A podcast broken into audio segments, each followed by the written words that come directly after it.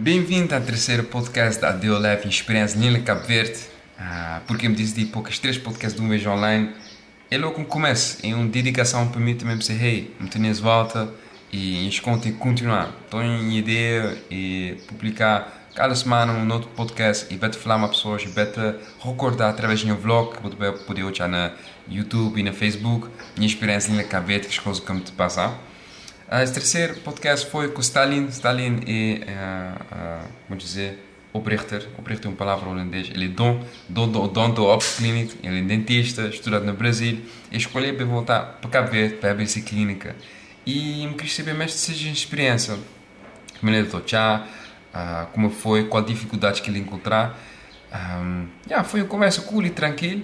Uh, te ouvir, vou te olhar, vou te tomar fé que esse podcast, esse novo média que nem é tão conhecido na Cabo Verde, também de começar e pessoas ainda têm que acostumar com a forma e estar relaxado. Mas a minha coisa no podcast eu tenho que ser bom mês. Nem me estive, uh, nem me senti medo uh, de boa, tchau, mais que tchau, de feza que um, e aquelas coisas que ficar profissional. Não, nós tudo é humano e, e como mostrar o cara, como contar a história, mano, tudo na história tem poder e é bom saber quem eu podia inspirar. Então, obrigado por estar para essa conversa e me esperar notificar-te é, em conversa parte 2 e parte 10 para relaxar um dia mais. Mas na boa, foi tchau informação, boa que ter feito lá e, é, mano, é bonito para olhar, mano, dá inspiração. Ok, pessoal, enjoy the conversation, Mami, Stalin e Tony. Blessings. Bem-vindo, bem-vindo ao novo episódio do podcast crioulo. Única tem nome esse podcast, pode ser que a pessoa tenha um nome para mim. Tenho meu primo Tony Tatuador, hoje não tenho Stalin, Dr. Stalin o dono do Hop Clínica, tatuado, bonitinho no braço. No começar logo, assim, quem é esse tatu? Conta-me a história desse tatu. Então, merci pelo convite. É, meu nome é Stalin Fatura, minha dentista ali na Cabo Verde, me estuda no Brasil e me um das pessoas, de várias pessoas tatuado para esse grande artista Tony L. Square. Uh, não tenho um amor por tatuagem desde azar. Uh, minha pai minha mãe não é muito fã de tatuagem, mas é normal, é, é gerações diferentes e na Cabo Verde não tem bastante resistência para tatuagem até hoje, né? Mas não tem esse amor por tatuagem, a primeira tatuagem foi durante curso no Brasil. Uh, me optar sempre para fazer tatuagem na lugares mais escondidos, modo minha profissão. Uh, mas desde que eu voltar para Cabo Verde, não tinha esse projeto de algum dia fechasse fizesse um, fechasse um né? Que eu me adorado. Uh, me ter essa oportunidade uh, quando tive minha empresa mesmo, né? Uh, trabalhar por conta própria, vamos dizer, às vezes por causa de alguma resistência à tatuagem no nos meios e também quando mochar um profissional é como, como dizer que era capaz de me estar com arte para toda a vida. Tony Square. Thank you, thank you. Boca tem que pegar a telefone. Hum? Boca tem que pegar a telefone. Não. Mas mesmo a vibração atrapalhou. Yeah, né?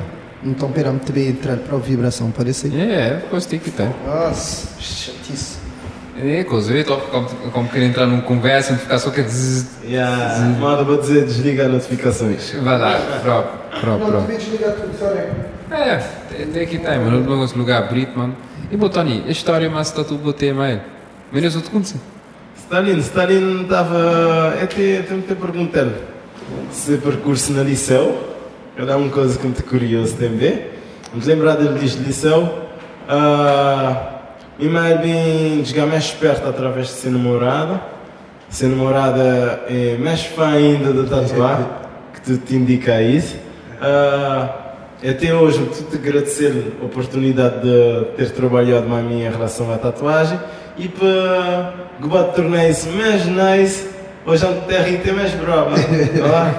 hum, não debate é um via de duas mãos, né?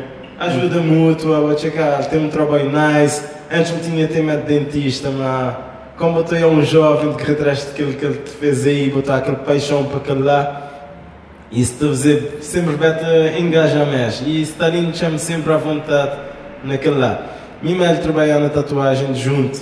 Foi um prazer, desenho criativo de ser namorada. é que te bete. Quando é sempre na tatuagem, quando é alguma coisa que depende daquela pessoa, te torna aquela mais especial. E ele é, aquela tatuagem tem sua história, tem sua envolvência, então não precisa ter o tempo nele para fazer, mas estou achando que comida cozinhada nele é mais tempo, não? Demora mais tempo. O que é que é lenha? Lenha. É modo de nós sentimos então, quando meus pais, nós já vão a cozinhar, quando engajo, bota poucas de lenha para, para fazer aquela comida. Madeira. Madeira. Que é yeah. madeira. Cozinhar aquela madeira. E assim, eu já noto com o resultado que hoje não é fim, que ainda não é fim, mas assim vai dizer, está ali nem de pouco, é uma maneira de não gata fortalecer nos laços da amizade, vá. Ok, nice, nice. Não, moda dizer, ah, nós estudamos no liceu junto, eh, só que ele era um ano para frente de mim. Yeah. Ah, embora não tinha aquele amizade moda não tem agora, mas ah, não, já não está a acontecer. Então, quando eu voltar para Cabo Verde, dizer, eu não tinha andado a trabalhar, já não tinha um poder aquisitivo maior, né? Ah, então, não comecei a esses trabalhos. Bastante gente te publicar fotos de suas tatuagens, do Vitonial Square, só que eu estava na São Centro, eu estava morando na São Centro, e ele estava na, na Ponta de Sol, na Sintantão ainda. E a maior barreira para tatuar a ele era aquele tempo para me deslocar até Sintantão, para tatuar, para voltar, porque eu tinha trabalho. Ah, minha namorada, moda dizer, né, apaixonada por tatuagem, ela deve estar nos 25 ou 26 tatuagens. Ah, me também me apaixonar, mas ela, é- ela tem uma paixão ainda maior. Ah, sempre no debate a espiar ah, aquela forma de estar te pôr na pele alguma coisa que tem um, uma história, né? Então é ela que está desenhando a minha tatuagem. De, de tudo minhas tatuagens que me tem na corpo, me deve ter uns 9 ou 10 também.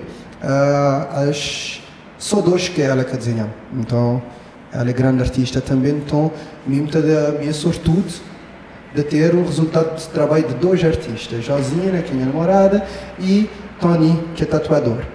Uh, mas vou dizer, mim não é pessoa que está tatuar é, só feeling, chegar a aquele, aquela imagem na internet, moda hoje botou aí também bastante disso acontecer, e vai tatuar. Não, me gostar de apanhar uma coisa que te representa ou que me trabalhar na ele. E esse que é aquele motivo, às vezes, nunca ter tatuado um braço de uma vez.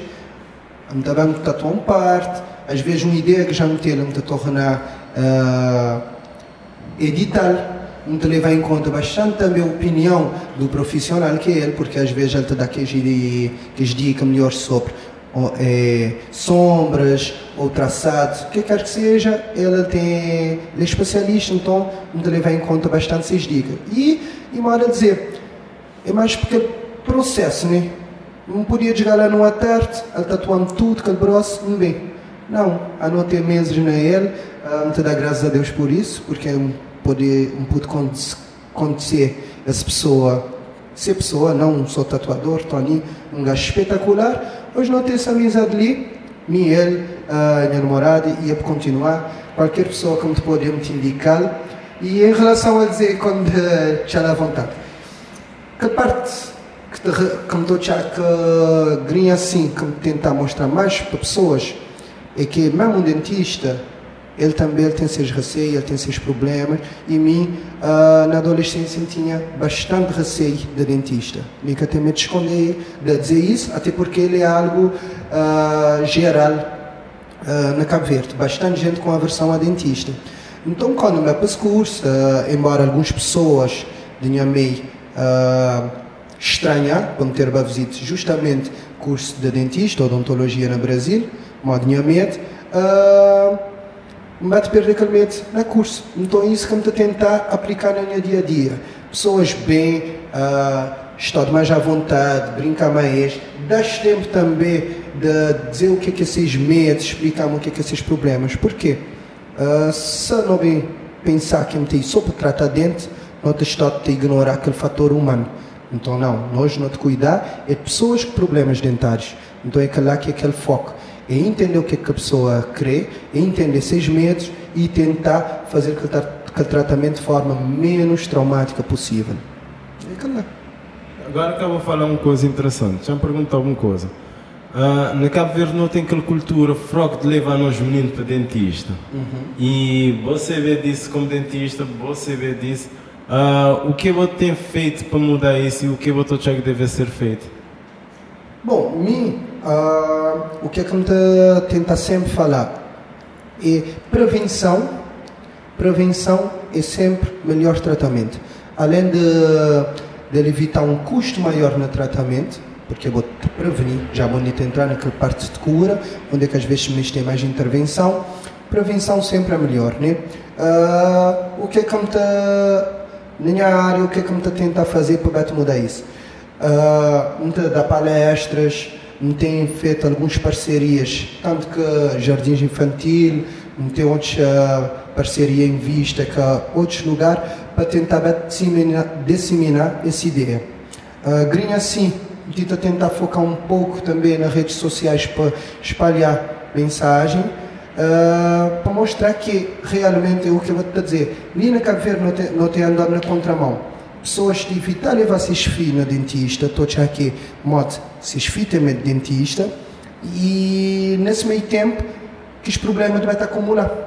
A quando que a criança de bem para dentista realmente necessitada com dor na dente, às vezes nos procedimentos tem que ser algo um pouco mais invasivo e para uma criança é mais difícil entender que não tem que fazer e que nunca te vai fazer mal. Ela te toia um mundo totalmente difícil. Imagina uma criança que vem primeira vez num dentista, uh, não tem que estar lá tudo paramentado para segurança, né? Põe uma cadeira, aquela cadeira te está lá, te muda de posição para deitar. É algo traumático, nunca tem outro não para dizer. Então, o que é que não tem feito criança assim? Incentivando pais a trazer menino, tem dois anos, trazer, tem três anos, trazer. Só que vai fazer algum tratamento ou não, não interessa. E ele começar a ganhar aquele, uh, aquela familiaridade com a figura do cirurgião dentista. Entender? Que é aquela que não tem que de fazer e aquela que me estou que às vezes na nossa área não tem pecado mais. Nós como profissional não tem que de causar uma mudança no nosso meio Moda está a dizer, bom, para ser um bom profissional, bom, tem que começar a causar uma mudança de mentalidade nas pessoas. Moda, bom, como um tatuador, assim, vou te fazer o trabalho, vou te expor o que vou te fazer, vou te mostrar tudo o que é bom investimento em termos de segurança, uh, produtos de qualidade, que lá te vai mudar pessoas, e pessoas vai olhar um arte. Assim a gente olhar que aqui que tatuado é marginal, moda está a pensar lá atrás. Mesma coisa, um gente tentar fazer isso. Tome de bem no jardim, de bem na escola, para tentar mostrar para pessoas e mostrar para as crianças que a dentista é uma pessoa mal da outros, né? E não está lá para uh, fazer brilhar um sorriso, nunca está ali para só dente, não tem que fugir desse paradigma e tá dizer que a dentista é só dente, longe disso. Vou estudar fora, no Brasil, né? Uhum. O que que pode uh, voltar para a cabeça?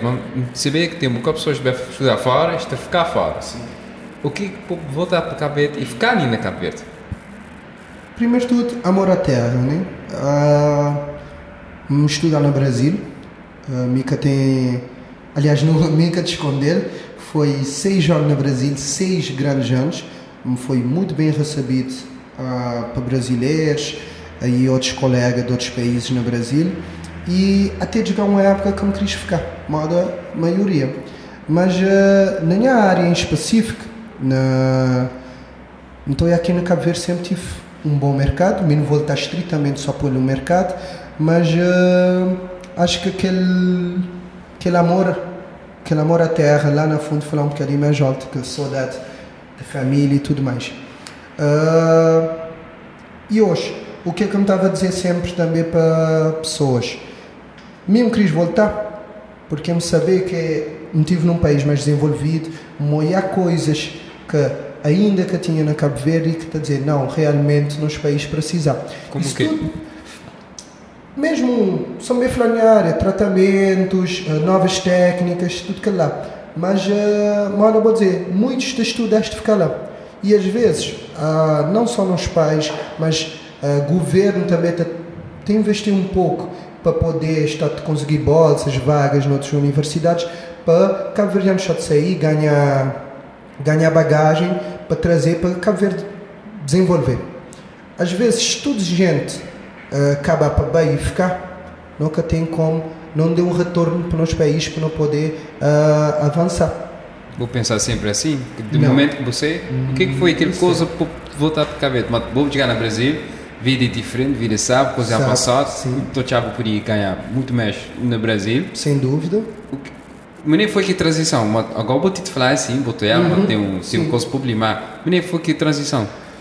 É, acho que quando vai ganhar um pouco de idade, é, quando vai ganhar um pouco de idade também, com a maturidade, pode pensar as coisas. Mas, mas dizer, mim, antes de dizer com de maturidade, me pensar também que tudo o que é que a Verde pode oferecer para uma pessoa uh, que te bem de fora. Segurança. Cabo Verde não é um país uh, tão. Ou não é um país com criminalidade, criminalidade, tão alta, desculpa. Uh, vou ter uma vida mais serena, não pode dizer assim, quando vou ter um meio de subsistir, vou ter uma vida mais serena. Não tem boa temperatura, não tem um povo bastante receptivo, então que as coisas lá falam bastante mais alto quando eu queria voltar para a minha terra.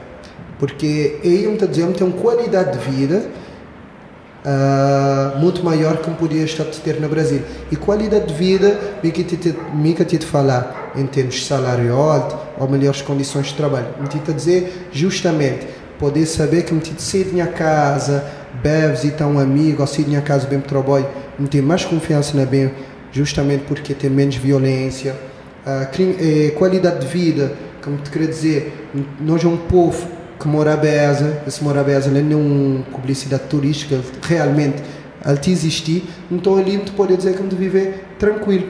Não tem sol, 365 dias por ano, ok? Não tem, não tem estado perto da minha família também, ele te vale bastante. E mesmo se não querer dizer, ah, ok, não queria conhecer lugar diferente, basta um pular de, um dia, de uma ilha para outra cada ilha tem ser particularidade. ser particularidade. Então, que as coisas lá também estão conquistando a gente bastante. É mais ou menos isso. O menino vou te vender Cabo Verde lá fora. O menino vou te falar de Cabo Verde, não vou amigo brasileiro. Meus amigo brasileiro me estava a dizer sempre. A primeira coisa, um país que é tão violento como o Brasil, a primeira coisa que me estava a dizer. Cabo Verde, um país seguro que tem como quer dizer que não. É, violência, criminalidade, tem outros países, tem em todo mundo. Só que Cabo Verde tem no nível baixo. Então, quem que quer bem para Cabo Verde, me está a dizer, Cabo Verde pode bem, é um país seguro. Segundo ponto, 365 dias de sol por ano. Que tem nada que te bater isso. Vou poder estar sem trabalho, vai de tarde ainda, poder apanhar uma praia de mar, tranquilo, voltar para casa, é, é algo inigualável. E para turismo, um dos maiores trunfos que não tem é ser um arquipélago das ilhas. Embora são nove e que é habitado, mas te espiar, te, vou poder bem uma férias comprar uma passagem de férias para Cabo Verde, mas vou ter nove destinos diferentes. Cada ilha que tem particularidade. Vou poder é, curtir um turismo de praia na duas ilhas, vou curtir um turismo de montanha, trekking, escalada. Então é uma coisa que não estou que é um dos maiores cartões postal de Cabo Verde. Que as nove ilhas que cada um que se particularidade. Claro que é a melhor forma de vender Cabo Verde, não dê outra coisa. Fora se morar beza, né? como estudar no Brasil, o que foi o que é as coisas que eu vou poder partilhar nós e pessoas que tu vi, que eu vou aprender lá fora, que eu vou te trazer ali na cabeça, para dar coragem para abrir uma clínica? Primeiro, uh, agora há pouco na pergunta que Tony está a falar sobre prevenção.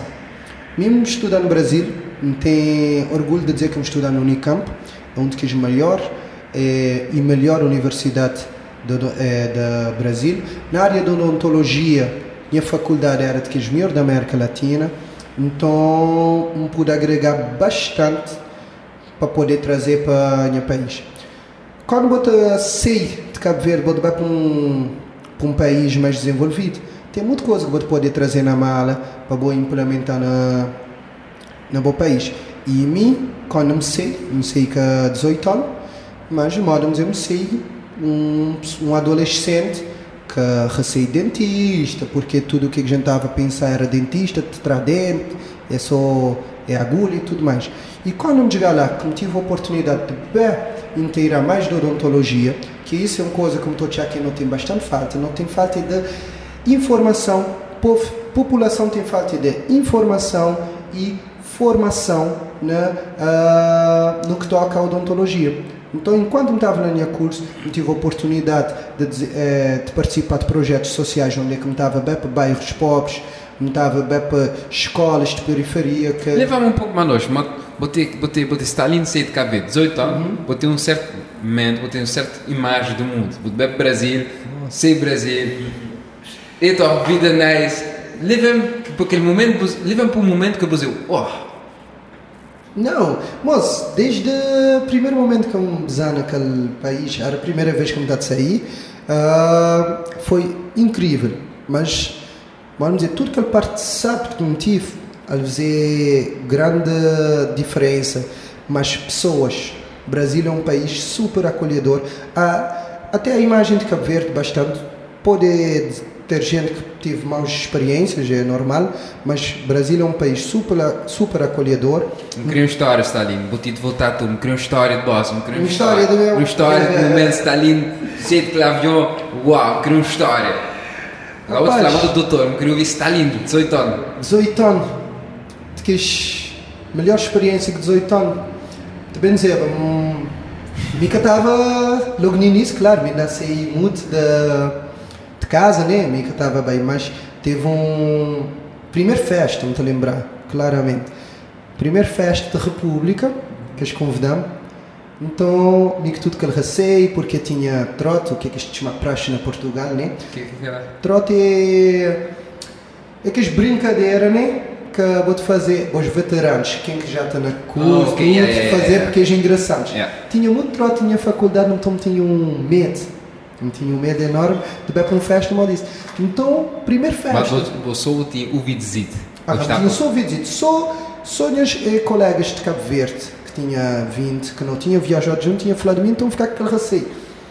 Então, nessa primeira festa, acho que me estava uns 3, 4 semanas já no Brasil, me que está a falar muito mais brasileiro porque ainda me tinha aquela abertura, me para festa.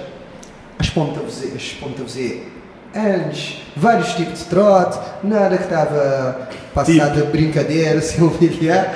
Uh, então, me acabar para ficar tarde, a que tinha autocarro voltar para minha casa, uh, que ali, que os veteranos não, vou poder dormir ali, tranquilo, dormir cheio de medo, fazer alguma coisa, para nada, me acordar de manhã, tomar para a mesa, uh, tomar café, as um para faculdade. Até aí nada demais, né? As pessoas tratam direito. Acontece que quando eu tive que a primeira aula, comecei a para o almoço, já foi totalmente diferente, porque uh, que as pessoas que me tinham encontrado na festa, que até então nunca tinham falado nada, já bem de Salvam, já está, e na época já ainda tínhamos Stalina, está chamando a Cabo Verde, né? Uh, já a ficar mais aproximar, com aproximação maior de mim. Então começaram a chamar para lugares. E foi assim, beta ambiental. E mim, como não está a morar na República, a maioria dos estudantes estão a morar noutra cidade, está bem a ficar só durante a semana e de fim de semana estão a voltar para casa dos seus pais. Aí começa a chover convite para para casa de meus amigos, porque minha era, minha era minha sola, se não está a ficar na casa é, sem companhia. E desde então, duas famílias adotam. Um, família dos portugueses que mudaram para o Brasil de azar, e outro é uma família de italiano e os segundo pais está com o filho, a hora que tinha que repreender, está a hora que tinha que mandar lanche ao presente, está a fazer o mesmo que está a fazer para os seus filhos. Então, me que as duas que as coisas lá marcam, que as duas famílias lá marcam, além que me tinha bastante outras famílias que está recebendo, mas a família Tavares e a família Micarone dão um outro sentido para o Brasil. Da lá para frente, verá a segunda casa, minha atual tem um uma tatuagem de bandeira do Brasil. Esse lá não é feito Tony, mas uma tatuagem de Yin Yang entre bandeira do Brasil e bandeira de Cabo Verde, onde é que te mostra que realmente é um equilíbrio. Tem duas casas. Cabo Verde, que é país de coração, e Brasil também, que adotamos, e como saber que é sempre como voltar, não tem um casa lá. Na, naquela coisa que a Dilson perguntar, por exemplo, mim, quando não termina a escola aí, sempre vou bem dar expediente onde eu vou até estudar Me estava a dizer, sempre me dizer, mim, Brasil, aquela imagem que já não tem de Brasil, uhum. de Brasil, praia, mulher, festa, me dizer, mim dava para estudar. Como é que aquele impacto lá foi para bom? Em termos de aquele Brasil, aquela imagem que eu tinha de Brasil e aquele que eu te receber lá, aquele que eu tinha. Yeah. E na época também, 2008, 2008 yeah. aquela imagem que estava do Brasil era até um pouquinho mais sombrio porque na época tinha começado Cidade Alerta. Cidade Alerta tinha começado a passar. Cidade Alerta é jornal que que é jornal da desgraça. É jornalismo policial onde é que te mostra casos de polícia. É é só desgraça. Criminalidade. Criminalidade é.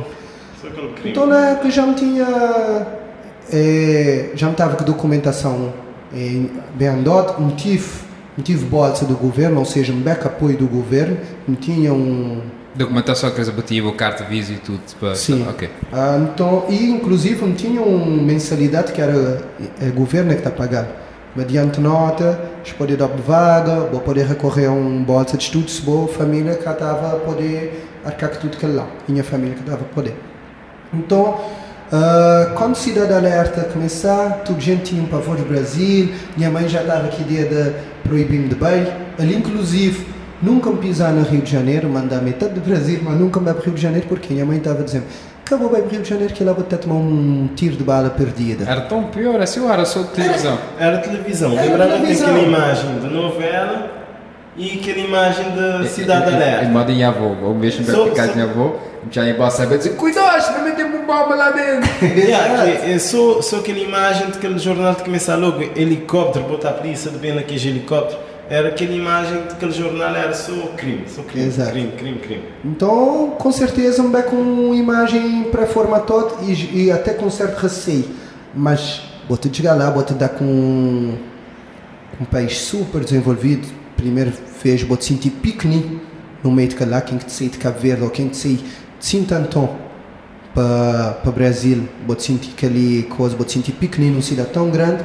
Mas, vamos dizer, foi um impacto uh, que me dura tanto, porque faculdade tive aquela recepção de calor, pessoas sempre simpáticas, depois não me dizer, eh, tive aquele convite, ainda me tive um primeiro ano, mas, mas caverdianos, mas depois me tive aquele convite para bem morar amanhã colega brasileira e foi espetacular. Então aquela imagem que mas tu curti que eu vou-te falar de Brasil, vou-te ficar ainda cara, sério. Sério, não, sério. É, é, de tentar lembrar, de te lembrar que é que as lembranças também te bateu um bocadinho de saudade. Hoje eu não sabia, tem colegas meus que querem bem para aí, porque tanto que me vendes imagem de Cabo Verde e aquela coisa, eu vou te querer também proporcionar um pouco daquela vivência que me tive lá, tudo aquela receptividade que me tive de ser parte, não queria proporcionar, bem mostrar que Cabo Verde também te pode dar isso. Na minha área, vamos dizer, tive grandes professores, tive na, melhor universidade e eles tinham consciência mais social. Então, vai para bairros igual ou pior que em Cabo Verde. Vai para escolas e, de periferia, periferia era ruim, eu tinha que pedir autorização para traficantes para poder estar aí fazer algum trabalho social lá. Um, tinha família que sete pessoas está a partilhar uma escova. É coisa que Uau. Bom, não pode ter o em Cabo Verde Cabo Verde Então, minha, minha lado, minha formação, então check onde é que me tive maior impacto é aquela parte social. É pensar que pessoas que vou te atender, vou te atender, sou dente, vou te olhar uma pessoa, vou ter que estar a ouvir com a pessoa. E, e é isso que é um também que me queria também desenvolver um pouco projeto sucesso que é o meu projeto uh, só a espiar menino na escola ou espiar o que é que te falta para dizer bom mês ter bem dentista não é ter uma forma daí de de promover para pessoas que, que têm a possibilidade de promover é, serviço de odontologia, serviço de um dentista de forma mais uh, abrangente, entender? E de outra forma também, vamos dizer, levar informação porque tem pessoas, às vezes, gente bem procurar porque a gente, informação, a gente aquela informação é que está a dizer, não, tenho que ir no dentista antes, deve esperar um dor na dente. Tá entender? E na cabeça, há pessoas que podem chegar na voz e dizer, nunca me tive no dentista. É uma coisa que, a princípio, é uma boa. Nunca vou tive um dor na dente, nunca vou tive um problema, mas nem só dor na dente que é, que é o problema, nem só cárie que é um problema. Então, é sempre bom mostrar lá com a consulta periódica e isso que é a maior, nem é o maior obstáculo, mas sim é o maior uh, objetivo ali. Provar aos pacientes, mostrar aos pacientes que o quanto mais frequente estiver a visitar dentista, menos problemas tem, menos gastos tem. Então, estou a dizer, no Brasil, uh, ficar no coração, nem a minha formação profissional, mas também aquela formação como pessoa. Um, ganhar muita experiência. Não sei de, depois de sair da minha mãe, que é minha menina de mamãe, viver num país sem família, uh, só uma colegas, ter que aprender, cozinhar. Que lá criou. Aprender almoço, que lá criamos. Depois de uma semana que começou para chinês. yeah, yeah. vou ter que aprender a cozinhar, ué. Conta-me um, um de obstáculo e dificuldade que eu tive encontrado ali, como vou voltar para Cabo Verde e como vou começar a abrir uma clínica. Modo, também tive ideia de abrir uma empresa ali, empresa de marketing. Um, yeah, que consigo ler ali, mim essa forma falar com pessoas e beta aprender mais histórias. O que é o que é algumas dificuldades vou, vou encontrar por aí? Como abrir boa yeah. clínica? tive muito mais dificuldade para abrir clínica, até o que é esperado, né? Uh, do que para inserir no mercado.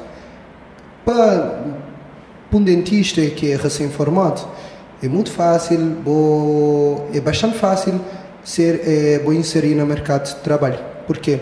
Cabo Verde ainda tem um déficit de profissional da área da odontologia, nós é uma população de mais de meio milhão de habitantes, mas nós é muito pouco dentista, se não bem espiar. Nós não deve ser menos de 200 dentistas. Então, então vou deixar a nível nacional. A nível nacional. Então vou querer dizer, vou te aconselhar os colegas do Brasil, bem abrir essas clínicas ali. O que eu estava aconselhando a pessoa de bem de fora, se quiser abrir essa clínica ali? O que eu estava explicando? Qual é o conselho que eu estava dando? Vou saber. Primeiro, não tenho que falar eu vou dizer de leis. Uh, ainda para bem de fora, para bem abrir ali, eu tenho que passar num processo moda aquele dos Estados Unidos, que é um processo bem burocrático e bem difícil, mas algumas barreiras para alguém bem de fora, bem, bem abrir ali. Embora que é ser um profissional competente, um profissional sério, uh, nós mercado tem só a ganhar porque isto trazer muito mais bagagem, que não tem falta, mas uh, falando diretamente para pessoas de Cabo Verde, jovens de Cabo Verde lá de formar, sim, Cabo Verde tem mercado na área da odontologia. O que eu estava com você? Um jovem, uma pessoa de dentro de fora, escreve essa clínica, está ali, damos conselhos, damos dicas. O que eu estava a fazer? Bom, tem que ter, essa pessoa tem que ter muita perseverança, porque que é fácil, vamos dizer, foi fácil inserir no mercado de trabalho, mas depois que começar a pensar em abrir a clínica, uh, aí sim coisas estão a ficar difícil. Primeiramente, financiamento. Por que como estou a dizer financiamento? Porque a maioria de jovens... Uh, empreendedores, seja de qual área for ali na Cabo também de famílias de famílias mais pobres, então famílias humildes. Então, financiamento é a maior dificuldade que nós temos. Uh, nós temos um sistema bancário ainda uh, bastante fechado, então quando é bastante fechado, tem dificuldade na obtenção de crédito, tem o que é Stalin? O que é que tem que fazer para abrir clínica? Dá-me que dica. Dá-me que dica. Vou ter que ter bom, uh, vou ter que ter boas condições para poder uh, obter um financiamento bancário. Quer dizer o quê? Garantias. Vou ter que ter um garantia. O que arranjar um garantia? Um garantia. Banco que te vai dar um. Então, garantia, uma pessoa. Tem um fiador. Fiador, alguns empréstimos, sim. Uh, minha casa, por ser um investimento um pouco mais alto, já é bom que te pediu uma garantia mais forte, ou seja, às vezes um casa, hipotecote, para poder uh, liberar o crédito. Hoje em dia não tem eh, programas do governo de incentivo ao empreendedorismo, mas ainda assim também a amadurecer aquele programa para ficar uma forma mais abrangente e mais acessível. Uh, então, a primeira Verde. coisa que a pessoa tem que procurar, pelo menos, um garantia ou uma pessoa do ser fiador. Exato. Até porque, madame está a dizer, a maioria de jovens, essas famílias que têm que espaço para uhum. poder usar de moda, ali Tony. Tony, ele pode dizer, porque hoje onde é que ele está, é graças a muito esforço, né, Ele que tinha aquele dinheiro lá, se para dizer, ah, não tem dinheiro ali, chama da Bilbo para o bom negócio. Não. E de pouco a pouco, e através de muita luta, ultrapassando obstáculos. Nem a casa, uh, me corre muito atrás, me tive negativas de vários bancos, até que me consegui, através de um programa de incentivo de governo, Uh, o segundo ponto, nem para parar um banco de Não, não nunca. Yeah. Okay. Por acaso tinha até essa pergunta aí de lá, uhum. que em altitude temos curiosidade, que okay. em dar parabéns que essa empresa com um ano, até semana passada fazer um ano, Dia 6. e bem tu ouvir te falar as coisas aí, é tão importante. Não, uh, minha projeto, uh, vamos dizer, é um projeto de vida, não tinha que abrir a clínica. Não porque eu queria ser uh, minha, dono de meu negócio, é porque o que é que me está a inspirar como dentista estava exigindo ter minha clínica. É, às vezes é difícil vou trabalhar para outro profissional, por mais que ele respeitou, por mais que bote lá com boa condição, bote em bom salário, mas é difícil me trabalhar para um outro dentista que me partilha às vezes que ele, uh, mesma ideologia. que ele mesma ideologia. E, vamos dizer, minha faculdade uh, dá-me uma forma de pensar diferente, tem aquela parte mais social. Então, olhar que para minhas pretensões, tanto pessoal como profissional, eu tinha que ter minha clínica. E graças a Deus eu me consegui, mas à base de muita luta, muito estresse, muita resiliência. Exemplo, tive negativa de três bancos. Uh, mesmo que assim incentivo de governo, tive bastante problemas. Maior problema que botei, burocracia na Cabo Verde. Cabo Verde é um país... Então, ponto 4, preparar para a burocracia. Burocracia ao mais alto nível. Uh, então, dá um bom exemplo. Minha mãe, te dá como garantia, dá-me casa. O fato, para eu poder chegar no banco, para eu apresentar aquela casa de minha mãe como uma garantia, vou passar meses, nem dia, nem semana, meses, quase ano, para eu poder apanhar uma coisa que é de bossa, para eu dar como garantia. Porque há tanta burocracia para trocar dinheiro, para eu gastar dinheiro, para eu poder ganhar um financiamento. Então, ponto 5, ter muito tempo, nenhum processo curto. Não, e antes disso, vou ter que fazer até um, uma poupança, já pensando naqueles gastos que vou ter que bater. De forma alguma, me dizer isso para, uh, quem, para dizer, dizer, uh, quem incentivar pessoas a desistir. Não, me a dizer para pessoas podem estar preparadas para correr atrás de seus, de seus objetivo. Porque se nunca informares do que é que você vai encontrar, se me quer dizer para, jovens ou para algum amigo do meu o que é que me passar, a primeira dificuldade é ele vai desistir. Entender? Então, é lá. Ter uma garantia, ter uma certa poupança, paciência, resiliência e correr muito atrás porque burocracia na Cabo Verde é o nosso maior inimigo. Não vou dizer correr atrás, quer dizer não tirar um não parado e sempre ter aquele espírito aberto. Sim, é? motivo não de, de banco, motivo não de, de, de financiadores, que quando a mulher que é banco que estava que estava a aceitar meu pedido de financiamento e me dizer não porque me diga lá à toa, uh, porque simplesmente garantia que me estava a apresentar banco para este uh, que era suficiente. Uh, banco ali na Cabo Verde tem uma forma de pensar ainda um pouco fechote Vou ter que este, este exigir muito para poder liberar pouco. E vou te aconselhar que a pessoa também passar naquele mesmo caminho, vai para o banco ou vou te dar um recurso mais curto? Não podia te dizer outro recurso, mas quais que é os recursos mais curtos? Nós, gringa assim na Cabo Verde, vou, vou estudar um pouco da parte econômica, assim, para a pessoas que recorrer a banco para corre, a banco para estudo, a banco, para casa. Porquê? Uh, é tudo aquela situação socioeconómica que tem no Cabo Verde. Uh, Cabo Verde é um país que o salário mínimo é 13 mil escudos. É muito pouco. Como é que também exige uma pessoa que tira ganhar uh, 13 mil escudos que tem que pagar às vezes casa, aluguel, às vezes tem fita e outras coisas, para bem estar de guardar alguma coisa para um projeto futuro. Não, às vezes não tem que estar de correr para financiamento para poder chegar lá. O que é que me está a dizer pessoas? É que eles têm que estar próprio preparado para não e, e alternativas. O que é que eu poderia dizer? Um business angel, um crowdfunding, ainda é coisas muito pouco é, explorado ali na Cabo Verde. onde não legislação específica para business angel. E que está dizendo de achismo, não está dizendo porque hum, tive nessa caminhada, não saber quais dificuldades que me encontrar. Uh, então, vamos dizer, me procura financiadores, me procura sócios, que por mais que me estava a mostrar que clínica dentária é um negócio viável na Cabo Verde, ainda assim eu estava a encontrar bastante negativa. Então é que lá, hum, está a dizer, há mercado, ter mais clínicas, sempre bem-vindo, desde, como está a dizer, profissionais sérios, de fazer um trabalho direto, de pensar na pessoa e não só no financeiro, mesmo que seja um negócio, não saber que um negócio tem que viver à base do financeiro, mas não tem que ter ética profissional para pensar que quem que não te entendeu uma pessoa, não é simplesmente não, é, é um, é um cheque, é um dinheiro que te passa. Não, não te entendeu uma pessoa, não te bater um retorno financeiro para atender aquela pessoa, mas não tem que estar a cuidar de ser saúde. Que essa é outra barreira que não tem na Cabo. Muitas pessoas que estão dentista como área de saúde.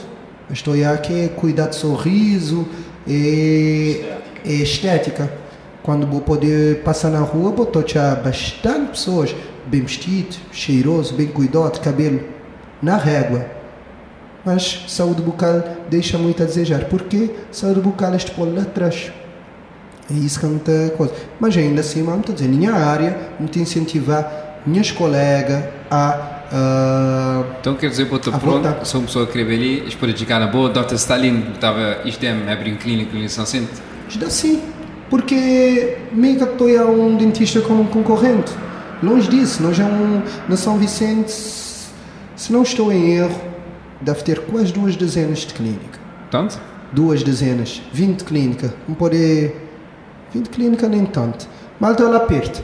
Só que São Vicente uh, deve estar em volta de 100 mil habitantes. Me dita dizer que aqueles 100 mil de dentista, que moramos ainda muita, uh, muitos tabus muito aversão ao dentista, mas também bastante gente. Então, de forma alguma, um colega também uh, representar concorrência. Não, nós é colega, não tem para eh, juntar e promover saúde bucal nos nossos países.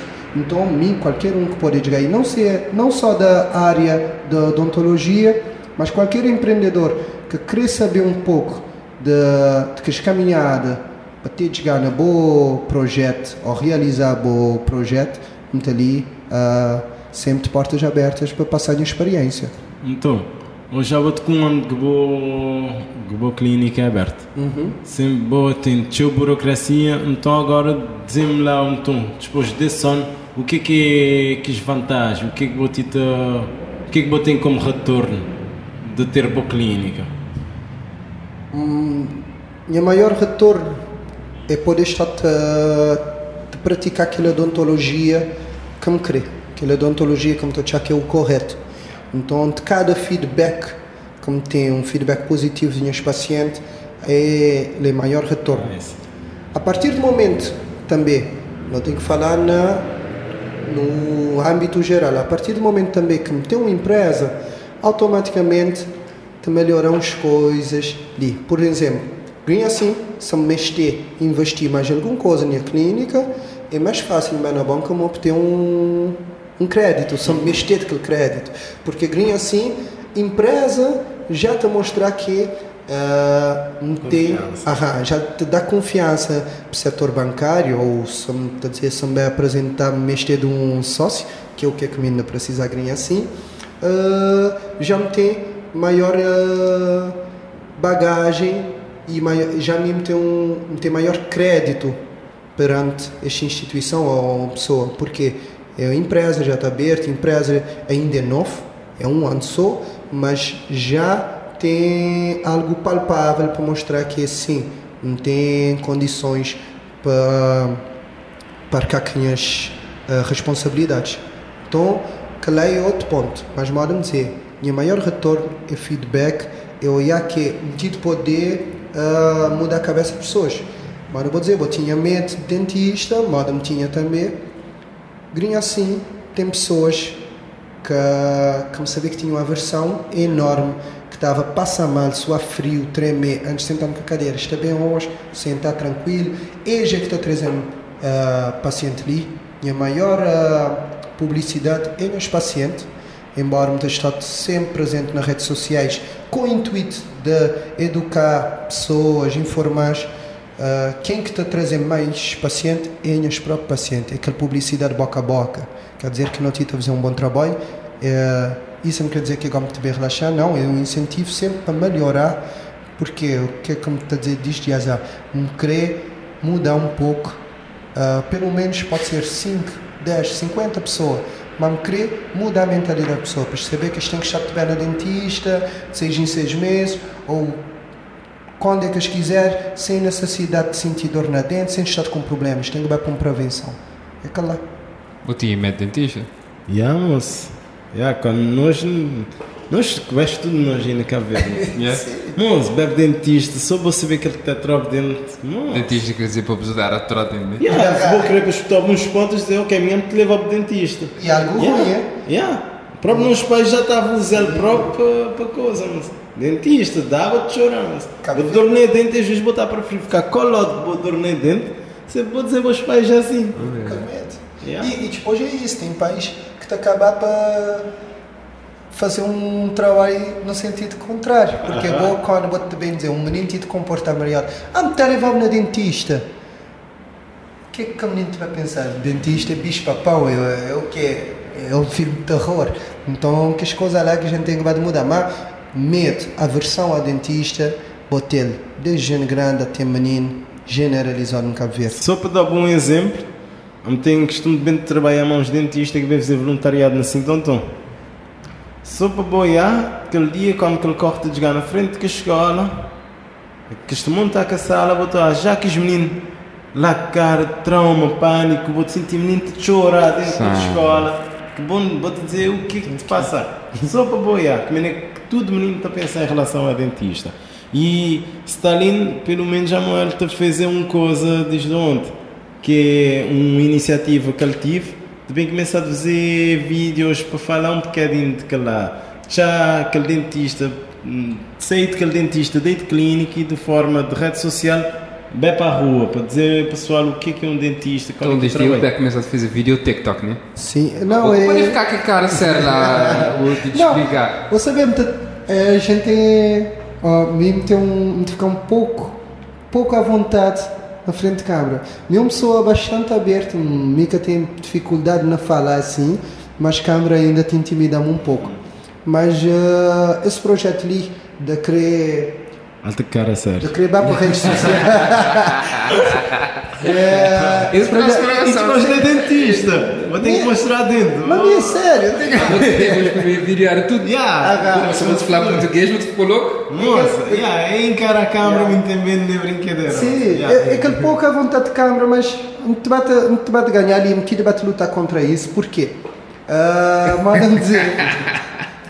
Não tem que usar redes sociais. Hoje em dia eu estou a redes sociais ser usado de forma tão ruim para fake news, uh, tanta coisa yeah, maior. Então, que quem que queria fazer um trabalho que pode bem ficar aí sem fazer ou sem bem nas redes sociais porque eu te dizer não redes sociais uh, que te vai fazer porque pessoas te usam melhor se tudo quem quer fazer algo bom nas redes sociais quer fazer modo de ser feito algo bom ou algo mau então não te bem perder. E, mano, dizer, minhas pacientes que tive bem na clínica, me tive poder beta mudar essa percepção. Mas, um cresce te uh, causar um impacto maior na O que é que é a boa visão para o O que, que é o próximo projeto, a visão... Já, já, já... Ele passa por isso, ele passa por uh, mudar a mentalidade de pessoas. Um cresce Mica tita dizer que muito bem fazer um muito bem para redes sociais muito bem verá blogueirinho ou, ou influencer que é o que é que ganha assim mais em voga. Que é a consequência Exato, muito cristão é te apanhar mais pessoas possíveis e quebrar aqueles tabus de, eh, em relação à área. E mesmo quando te perguntamos o que é que é a visão da odontologia para Cabo Verde, é uma odontologia mais para preventivo do que, que é, para intervenção, para curar. Eu queria para pessoas chato bem para mim, para, mais para prevenção, para evitar de ter cárie, evitar ter extração e que haja outro problema, para estar também para mim. Aí pessoas vêm dizer, Não, mas pessoas param de sentir dor na dentro ou param de ter cara e bater bem, ficar sem trabalho. Muito, muito engano.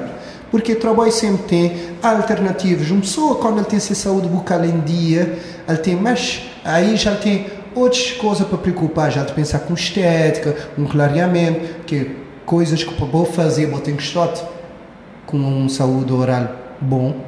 Então, aquela que é a visão. Não tem projeto, obviamente, não é um segredo para ninguém e é algo lógico, então, tchau, para uma pessoa que sei, sim, tanto, uh, vai estudar quando bem, bem logo, me São Centro, me exercer só três meses na cidade de Porto Novo, mas não é segredo que mim, um dos meus projetos, a nível profissional, é na Sintantão. Tem que bater que projeto. Uh, o que, assim, o que vou precisar para que projeto lá, na Sintantão? Contar um pouco sobre, uh, sobre as coisas. Olha, não estou que por mais que não tenha ido falar grinha assim, que mesmo que a clínica tem um ano grinha assim, não pode ter outros, outras facilidades perante instituições, uh, mas ainda assim saber que me tiver passar por muito obstáculo também quando tiver de Bebe Sintantão.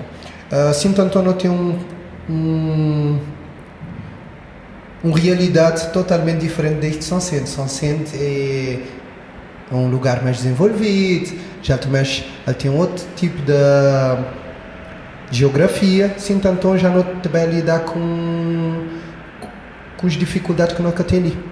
Então, grinha assim, é, a curto prazo, meu projeto é cada vez o Dontoap beta estabilizar mais, beta poder andar com CP, graças a Deus, a nota bem encaminhado para isso e BET poder investir cada vez mais na tecnologias e na, na produtos e tratamento melhor para os pacientes, mas uh, a médio e curto prazo é um crescimento na Sintantão. Porque Sintantão também tem teu falta.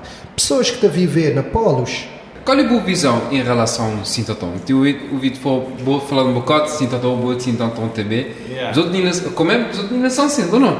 Sim. Então, o que é, que é essa visão e projeto na Sintantão?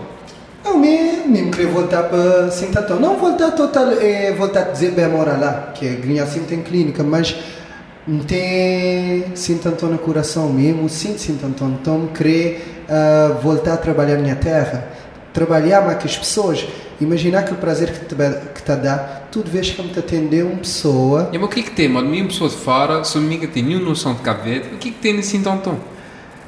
Porque é, é, é que na origem, nós é lá, nós não temos São Centro, Tony pode Sim. concordar comigo, não temos São Centro, às vezes é aquela força de, de trabalho, vou entender? Quando, na Sinto Antão, quando eu trabalho lá, às vezes vou ter outra realidade.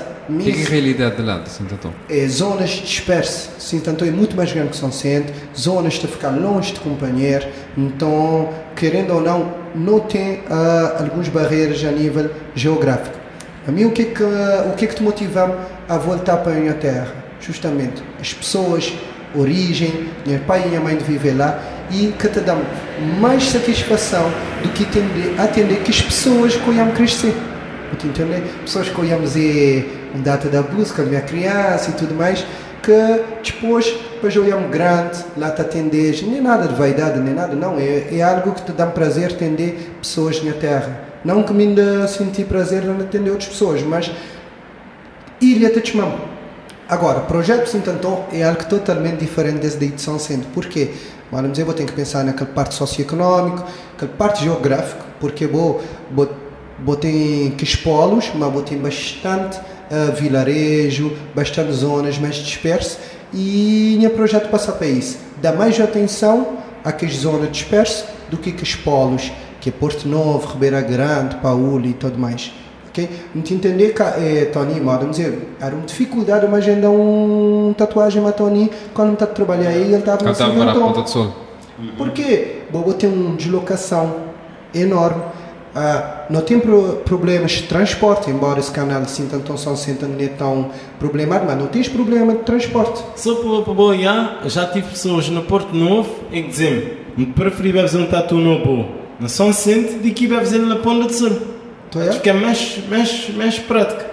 Sei de, de Porto para São Vicente do que sei de Porto para Ponta de Sul, que é na mesma ilha. Yeah. Então, me, com certeza, vou perguntar, não tem projeto com a ilha assim, uh, ah, estou lá te atender, ter um filho, um, querer que minha filha uh, também naquele meio onde é que me criar. Ela tem que sentir nos origem, para que criar sem que ligação à nogilha, porque mesmo que não criar no meio de dificuldade ou do que quer que seja, lá em nogilha não tem que ligação, sim tanto é mágica, mano. E eu já vou ligar um projeto com dentista de Faro, por contar um pouco sobre esse projeto. Yeah, uh, estava fazendo assim tanto? É assim, na, naquele projeto foi, foi eu estava, estava a trabalhar para país onde é que tem dificuldade, onde é que o nível de vida é bem baixo. Uhum. Então, este vai para Haiti, né? Uhum. Uh, encontrava pessoas de Cabo Verde, encontrava o presidente, o presidente falei junzinho de Sintontão. E cima que a senhora dizer que lá estou aquele. Presidente de Câmara, né? Presidente de Câmara de Ribeira Grande. Ah.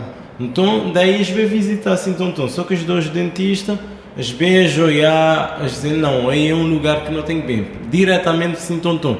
Uhum. Então, na, naquela lá, bem, já me trabalhei mais 5 vezes consecutivo. Depois, a gente, gente, gente tornar bem por causa de Covid. Então, o que é que, que a gente está a fazer? Estava a jogar, estava a dar prioridade para que lugar mais onde é que tinha mais problema, mais e chamar como é que me dizer? Carenciado, família. Mais carenciado, mais, sim, onde é que não tive de bem, estava a visitar aquela escola mais longe. Que tipo de trabalho que estava a fazer? Assim, eles tinham uma semana para tentar atender que as meninas que tinham mais, menos condições financeiras e que tinham mais problema na dente. Então não estava bem para que zona, por exemplo, Lagoa, por exemplo, uh, Chão de Igreja, onde é que estava a atender chegar que os meninos, só que os meninos de escola primária para te passear, fazer um check-up um check e para fazer tudo grátis. Yeah, tudo yeah. grátis, tudo só grátis. Só apoio deste. Estão a dizer, no na uma semana vou espiar mais que 2 mil meninos e vou, vou tirar em, em termos de extração vou passar 4 mil. Yeah. que eles estava até a chorar para boa aqui gente que não tem nenhuma ligação de Cabo Verde estava até a chorar quando eu estava aí aqui que o menino lá tinha tirar três dentes que eles, modo Stalin dizer se a ideia é prevenção. Eles dizer Tony última coisa que não querer é tirar um menino ser dente e és esta espiar menino porque que a menina ainda tem aquela chance de que ele dente tornar a criar. Que é permanente. Yeah, ainda estava a terá mais os dentes não permanente. No caso de ter um dente permanente? Tinha de perguntar se pais e isto saber está a dizer Tony o que é que é a alimentação? Que lá é uma coisa que Stalin pode falar. Uhum. está a perguntar o que é que é essa alimentação? É baseado no que o que é que os meninos têm que comer? Estava sempre tem que a preocupação que lá e aquela coisa lá foi uma coisa, foi uma experiência Bom, sensacional. E mal não te dizer, lembrar essa parte da alimentação. Quando eu botei em famílias carenciosas, botei às vezes é aquele, é aquele subsistência, vou te entender. Uh, é dentista, realmente não te dizer é dentista. Vou para um dentista quando ele está a fazer três extração para ele sentir, para ele chorar aquele tipo de trauma yeah. que lá sim te dá palma para um dentista que lá porque extração é o último caso. Embora ali na Cabo Verde a mentalidade é justamente coisa, não, eu tenho que às vezes guerrar alguns pacientes, diga a ele, uh, não, traz dente, que é da fraude, coisa. Tem que mostrar as alternativas, que não, boca de troca o dente, uh, porque ele também te falta, mostrar tudo o que com perda de dente te implica claro, um pouco na especialidade, não, salvar dentes, não? Exato, salvar dentes. Instagram. Exato, mas uh, aí não tem um problema, porque muitas vezes também que família ela está mais preocupada é que ganhar aquele pão para alimentar seus filhos, então às vezes não deve dar. Que é o dono também não é tão, não é tão barato assim. Infelizmente, não há tratamentos que não tão acessíveis. Então, quando você deixar um menino chegar num ponto que ele tem que mexer de uma intervenção maior num dente, que ser mais cor, vamos dizer, há, há tratamentos ali que te chegar facilmente, não te dizer num dente só, que te chegar facilmente no salário mínimo. Te entender? É uma barreira enorme. Então, por isso que me estou a dizer, pessoas têm que começar a pensar diferente. Porque, bom, quando botita prevenir, botita cuidar de escovação de uma criança, diz de menino, cuidado que doce, ou mesmo se comer um doce, botem que pôr-te escovar dentro antes de dormir, ou depois de uma refeição. Que a menina tita criar que menos necessidade de intervenção, menos chance de cair. Então, aquele menino que tido bem que aquele bom uh, cuidado de higiene oral, ele também chegar numa adolescência, ele está chegando na idade adulta, às vezes sim necessidade de intervenção mais grande. E que a família tiver mexer, investir menos a nível financeiro na saúde da pessoa. Por isso que me estou a dizer, nós não temos que mostrar que mexer é que lá, é trabalhar na prevenção porque um é, é que lá que anda coisa, é uma família que tem meios para cuidar do menino, mas ao mesmo tempo gente tem aquela preocupação com a saúde do menino. E a gente vai lembrar de dentro é quando o menino anda a dormir de dor na dentro, entende? E que coitadinho lá de sofrer. Então aquela coisa lá é, é, é de passar para informação. E quem que tem que fazer? Nós dentistas que as pessoas não bem entrar na Google para pesquisar sobre saúde oral, não, isto vai espiar é, é Insta, Face, é, é coisas uh, fúteis. Então, nós é que é dentista, nós é que tem, é que ter, é que, tem que ter um, uma personalidade, ou não tem que estar que vrode mais porque a parte de prevenção e está a educar nos pacientes.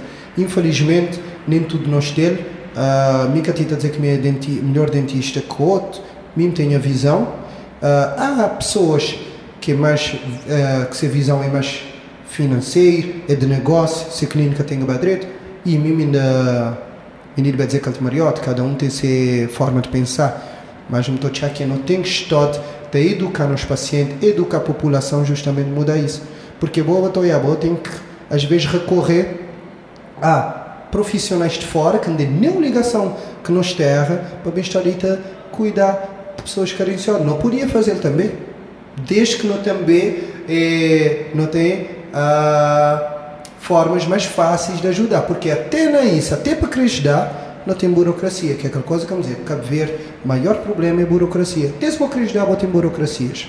Ok, já me fazer uma pergunta. Ah, qual é que as coisas vou precisar? Qual tipo de ajuda, qual tipo de pessoas, qual tipo de dom que eu estava a apreciar para sustenir sustenir né? naquele projeto para querer fazer. Para dar um apoio. Sustentabilizar aquele projeto. Yeah. Yeah. Uh, como tem como tem assim uma abrir clínica, podemos dizer, me recorrer a financiamento, uh, é difícil, assim, recorrer a outro financiamento para chegar meu projeto de Cabo Verde, então por isso ainda meter na banho-maria, mas vou te perguntar quais pessoas ou o que é que me está a gostar de ter? Não está a gostar de ter a mim uh, pessoas que está a poder uh, agregar valor ao meu projeto, pessoas que podiam uh, funcionar como um financiador ou um sócio, onde é que, não, que te partilhar a minha ideia, a minha visão do que é que me queria assim tanto porque lá fora vou ter muito mais meios para conseguir que consumíveis, equipamentos dentais, mas trazer né, barote, uh, para uma clínica de funcionar que é tão fácil, uh, então para mim, a dizer, minha maior barreira é conseguir uh, meios financeiros para para chegar nele, porque motivação a meter Moramos em um cristal na minha terra de fazer isso. Uh, a nível profissional, é o que é que te movemos? Te falta meios financeiros para isso. E, claro, embora me tenha odonto up, sempre me estado lá, debruçado sobre meus planos futuros. Ok, mas é só financeiro que é o problema? Ele poderia chegar com tempo, não? Sim, com o tempo. E que pessoas, tipo pessoas que dão boca de prisão, pessoa que firma esse projeto, boca de prisão, pessoa com eh, estado lá assim tão top, a receber que pessoas não, é, que lá, mal anda dizer, não tem dentista no Cabo Verde, nem todo dentista também tem clínica. Uh, também nem, acho que nem o, nem o ideal, nem todo dentista queria ter essa clínica.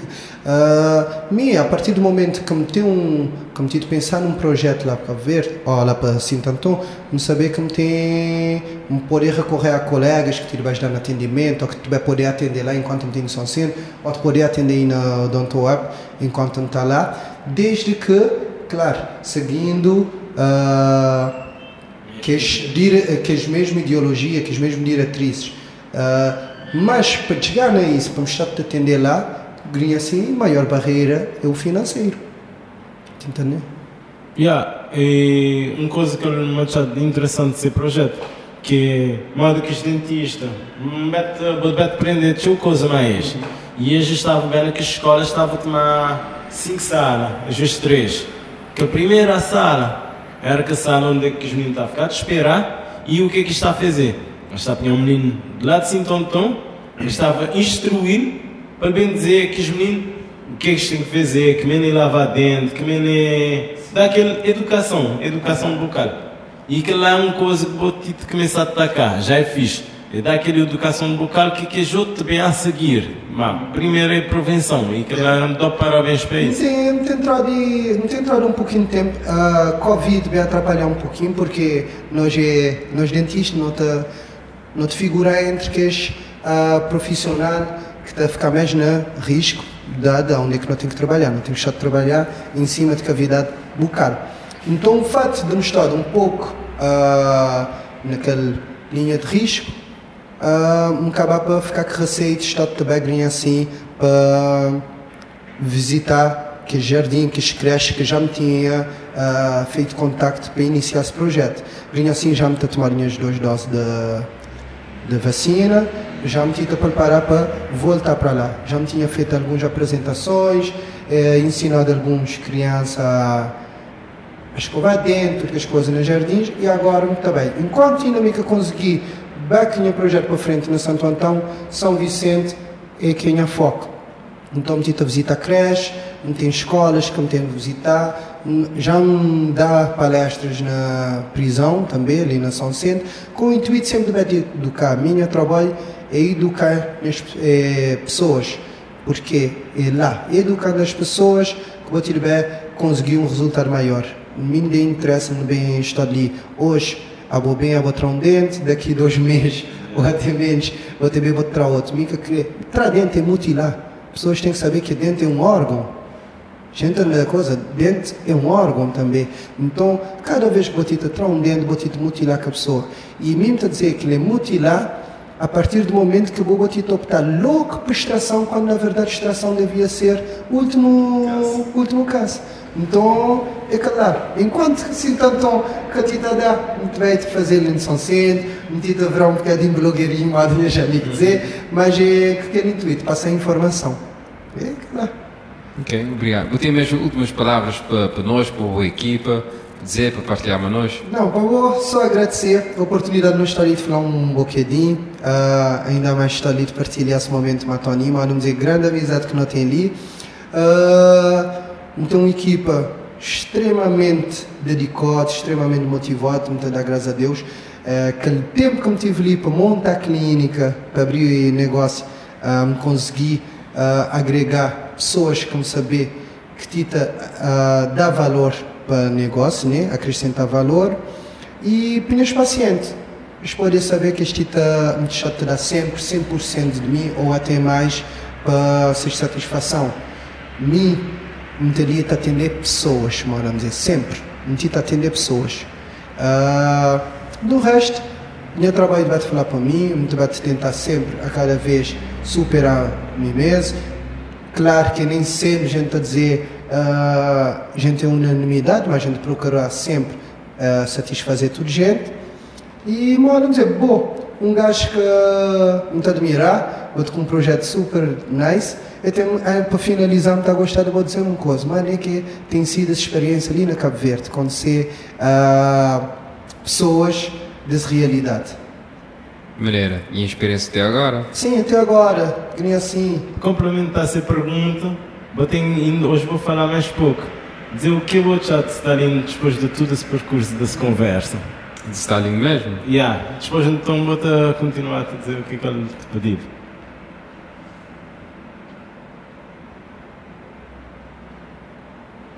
Só nos termos dessa conversa, um já que vou poder mostrar mais de bom. Bem, no teu humilde e como tu é mesmo na Tony que os outros te podem dar trabalho e os outros têm teu valor nele, os outros teu oportunidade para nem me que esse é alarme. esse é alarme, moço.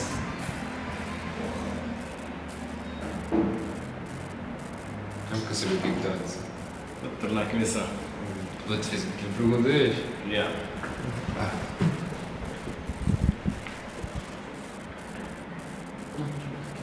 Yeah. Manda se estar a dizer para contar um desenho desse percurso de bossa na Cabo Verde, o que eu bati todo já da história, mas então não te começar nesse que tu mais fresco ainda. Stalin, que me hoje vou falar pouco, dizer-me o que é que vou já de todo esse percurso, dessa conversa em relação a Stalin. Hum, olha, para começar a falar pouco, muito ouvi mexe. Ouvi mexe, mandei podcast, podcast, a gente fazer perguntas e, e uma chance para pessoas partilhar essas histórias. E que lá como tu é na cabeça, gente partilhar poucas histórias, mas eu vou estar ali. Os outros, os outros têm feito uma coisa bonita. Então, botei boa clínica, botei boa tudo exterior e começar a falar uma boa, para falar uma boa também, e que as pessoas partilhar a história. Pode ser para os outros ali, é normal. Tu gente passa por dificuldade, pode criar uma coisa para a gente fora. Então, então já vou dizer, cabetes só tem 360 dias só. Esse já é um incentivo para uma pessoa bem.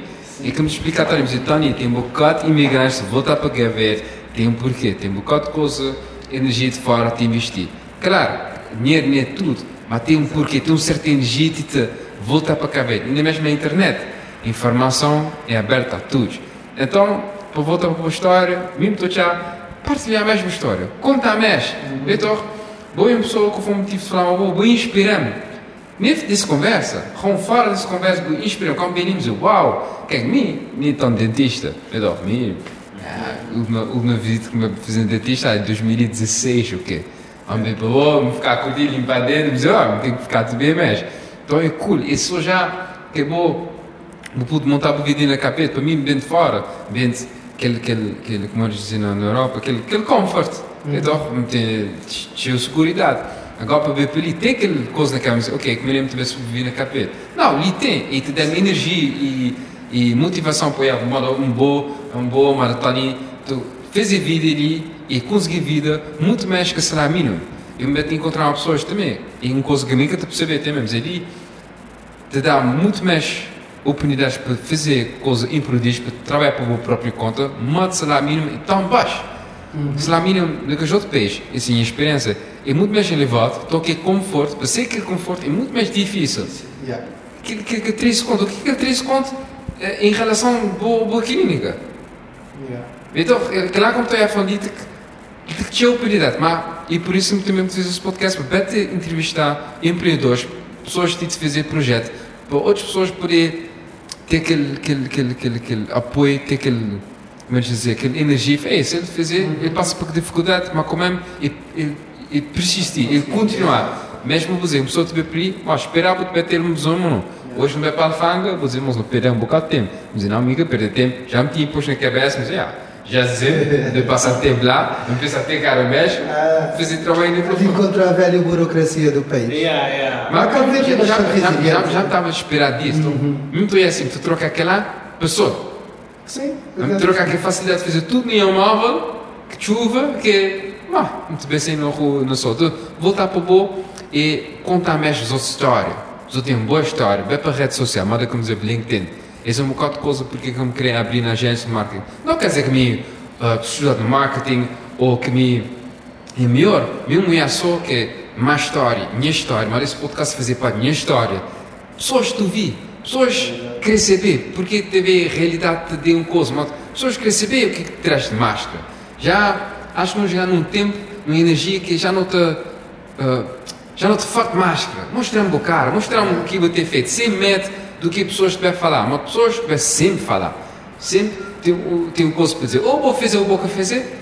Pessoas têm sempre uma coisa para dizer. Então vale a melhor para mostrar o cara, mostrar a boa intenção, a boa energia e inspirar a pessoa. Yeah. Então, claro, como estou já, e isso fazer parte, mas esperar que não tiver continuar essa conversa e cada vez vou tiver mostrar mais peito, mais cara, mais sorriso. Minha, minha esperança é que eu não a ter mais oportunidade e, mano, vou dizer, talvez de, de uma próxima vez ter estado num, Mas com a vontade, mais Já não tenho bem. dado dois broguinhos. Sim. Estar num momento mais descontraído, de contar, de estar mais à vontade, mas ainda é aquela coisa de ganhar ah, intimidade com essa câmara. Ela está tudo está Acho que não é só se câmara, está. Acho que também tem aquela questão, também no, no, no pensar, tio, Yeah. Do que é que não te Tem que bem dizer. Yeah, que é que Ah, não tem que bem dizer, o que é que pessoas estão a pensar, Yeah. aquela coisa lá, e nós aí não sabemos que ele é uma barreira crucial, uma barreira que não deixa nós às vezes ficar naquela vontade de falar. Yeah. Não, me uh, falar de hoje, pessoal, eu vou ficar um bocadinho mais uh, retraído, uh, porque me dá falar do Dante, nem hora me dizer, me tita personificar o doutor, não, me Stalin, mesmo se me entender, me Stalin, claro que é profissionalismo, mas talvez eu ficar um bocadinho mais retraído porque me está a falar minha de minha profissão, de minha, um pouco de minha empresa, então aquela coisa de remeter um pouco de profissionalismo fica assim.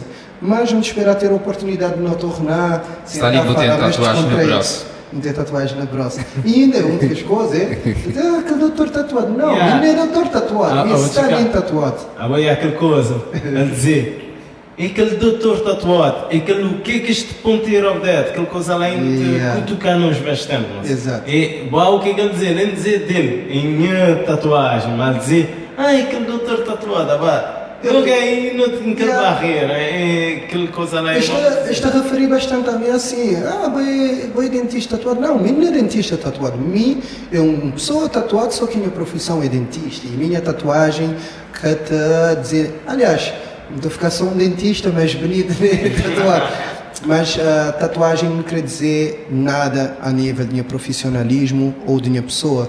Mim é uma paixão que me tem, ah, de gostar, mim que te para o modo alguém que te vê na mim vai ser tem dito para mim, modo de meter tatuagem, olha, se botei aquele preconceito lá como sou tatuado, então eu tento ficar contente de te atender. Não está a dizer, claro. Nice, nice. Ah, thank pessoas, you. Thank you. Não, pessoas têm, têm que acontecer ah, como dentista, punha profissionalismo e por que é que me fazer? Não me punha aparência. Não podia ter locks, não podia ter um barba, mas não deve ser dentista. Agora, minha paixão é, é lá. E não tem muita tatuagem para fazer na Tony. Eu tenho outra pergunta para dizer? Não, não esqueci então. É, caralho. Mesma de coisa. Tá tá Mas também já que não tem que ter uma segunda Não, parte. tem- ter também vários patos, me agradecer, Yeah. mano. Já não tenho com um ar e meio ali nesse, Não, mas- nesse about de falar. Yeah, segundo tinha de. Mas com forma de agradecimento, é aquela é agradecer de ver que é um, mais um meio para poder estar te contar uma história, inspirar outras pessoas, mostrar um pouco da nossa experiência e ah, incentivar outros que já te pensar e que já te calmete de sair de zona de conforto. Me inspirar porque vai fazer vídeo no TikTok e a boca vai ficar mais cara, sério. Vira um menino, vou dizer, ficar só dos piores de novo, da Não, trap. bati-te bati a treinar, bati-te treinar para me participar e bom que inspirar-me aquele dia para fazer esse primeiro vídeo da ah, aniversário de clínica, a me ganhar coragem a o segundo, onde é que também me falar um pouco sobre ah, alguns tópicos e agora num processo não stop. É um Tem que cair né? da beta aprimorar, beta passar aquele, com, eh, aquela mensagem de forma mais descontraída. Nunca queria parecer dentista na coisa. Não pode até falar da minha área, mas não queria estar. É aquele Stalin de falar com minhas amigos ou com as pessoas que me partilham nas redes sociais. Só isso. Dope, mano. Ok? Yeah. Obrigado, mano. esperar pegar disso. Que vídeo, tu vê mais vídeo, né? Nada. E que não dizer isso acontecer. Thanks lá, Dilson, mais uma vez. Tamo Yeah. juntos. Está lindo. Ah, merci. Yeah. E muito bom, Thank you. como sempre, partilhar o momento com a Tony. Mas não dizer, hum, para fazer um trabalho espetacular. Para tu ah, já me tive amiga que me leva lá para tatuar uma boa. Yeah, Pessoas sim. que estão a dizer que nunca está a tatuar, no espaço de um mês que a pessoa tinha feito quatro tatuagens. Ah, não é só que, que aquela imagem bonita tatuar na pele. É bom está a fazer um trabalho profissional, espetáculo, é arte, mas não deixa de ser algo profissional e é para Não continuar. quer dizer também que Tony tem um leve. É uma especialidade dele, ou não? Sim. Já me tatuaram outras pessoas, O que né? quer dizer mão leve? O que quer dizer isso? Ah, acho que profissional, é, mas falando tecnicamente, é aquela força que aquela agulha te penetrar na pele. Ah, então, dizer, vamos fazer tatuagem na seis tatuadores diferentes. Então, não pode falar com propriedade do que é que me está dizer. Mas tatuagem demora muito mais tempo para cicatrizar pele, de ficar ah, com textura diferente do que outras tatuagens. Pode passar mão na pele, sentir normal, sem nenhum cicatriz. Então, aquela coisa lá, minha mãe, minha amiga, mesmo virar amigo dele, depois que ele tatuamos. Então, não pode falar isso de coração aberto. Uh, mim tatuar Tony porque ele é amigo, não. Mim verá amigo dele porque depois que não tatuar, me conhecer Tony tatuar de forma incrível, por isso que me está dizendo nem é o último, uh, mas é agradecer porque não? se trabalho que ele de fazer profissional, mostrar aquela arte, também te ajuda a nós. É que te gostar de ser tatuado e não tem aquela barreira perante a população. Pessoas que estão aí a tatuagem como algo de bandidismo ou o que quer que seja. Quando mano está a fazer um trabalho profissional, mostrar que é bota, uh, fazer uma arte no papel, mas de forma segura, com um profissional que estuda todo dia, não estou a aquele está lá sempre, te postar, aquele te prender, então que coisa lá te vai te quebrar barreiras. Tem que te prender, mas bom começo, bem avançado, Sim, outra, mano, valorizar o trabalho sempre com avançado. E, e que não uma forma também de me espelhar na ele, porque olha ele, ele podia estar a dizer, mica te falta de estudar mais, já me ter clientela, me ter com lista de espera grande, mica te deve ficar aí de estudar mais sombreado, não, botou aí aquele que te vai melhorar essa técnica. E a minha área já me está aproveitando a dizer não, mesmo tem que ficar aí a tentar sair fora, enquanto me te poder mais com a vida ou outras coisas, me tive a também seguir perfil de, na Insta de profissionais uh, competentes que te podem passar técnicas, sempre para chegar e apresentar paciente um, algo melhor. Então, naquela parte lá, não saber, hoje é empreendedor igual, em áreas diferentes, mas não tem aquele ser de conhecimento igual e de aprimorar. Por isso, me dizer, ele, quando eu a Tony tatua sem mãe, é uma coisa espetacular. Quando botou a mãe e filha lá de tatuar, que coisa é bonita, botou quebrar uma barreira. Se mesmo te a dizer que já o mãe deve fazer um vídeo sem tatuar. Sim, mas. Olha, Isso é bom de ouvir. Não, nem quando me dizer, não tem barreira encontrar pessoas que têm barreira, têm que ultrapassar, uma pessoa que tem medo de tirar um dente. Ele não, ele às vezes é teu maior, porque ele tenta lutar contra um estereótipo na sociedade, que a pessoa tatuada é bandido. Mas ele ainda assim, por mais que ele tenha um mocó de gente na sociedade que pensa assim, ele tenta investir nessa arte. E é que lá, é para continuar. Aqui, menino vem tatuar tudo que daí era coisa, mas continuar, mano. Boa, não, thank you, thank you, thank you. As palavras só te engajam mais, modo-me te dizer, bom, e tudo quem te dá aquele feedback, ele é sempre bem recebido, ele é recebido à primeira, mas é, é sempre coisa que me deve adicionar a mim, que lá é combustível, é que para me dizer, yeah, vamos dizer porque lá amanhã tem que fazer um jogo, é sempre, e hoje moda a dizer, sempre te dizer, internet está lá para quê, mano, boa, moda vou dizer, lá tem teu conteúdo maior, mas o que, que vou de fazer é adicionar conteúdo direito. direito. Então, mim, o que, que me vai buscar lá também é conteúdo direito. Para aprender mais. E sempre botar outras pessoas que sabem mais que boa. E que lá na vida, mano, todo dia vou até aprender, todo dia vou ter outras pessoas que sabem mais que boa. Mais vou investigar, mais difícil para perceber, mais gente vou ter outras então não tem que trazer isso de internet. Exato, Já eu há pessoas que não poderiam ficar nisso falar até horas. Você vai fazer um parte 2 de conversa. Está aí, obrigado. Obrigado. Obrigado. Obrigado. Obrigado pela palavra. Stay tuned. Thank you. Não te continuando. Obrigado por ter ouvido o terceiro podcast. Já me sabia o que eu já foi uma conversa cool. Hasta ali, e os outros ouvir que tem que ser um parte 2, parte 3. Se os outros conheciam uma pessoa que se outros pensar que era fixe, me estava a falar, já me saber. Yeah, obrigado por fazer parte da minha experiência também. Desejo a um bom dia, um blessed day e é para esquecer cada dia ou dia para não poder melhorar. É para ninguém baixar a luz e também tudo coisa nós vir em um momento aprender. Love.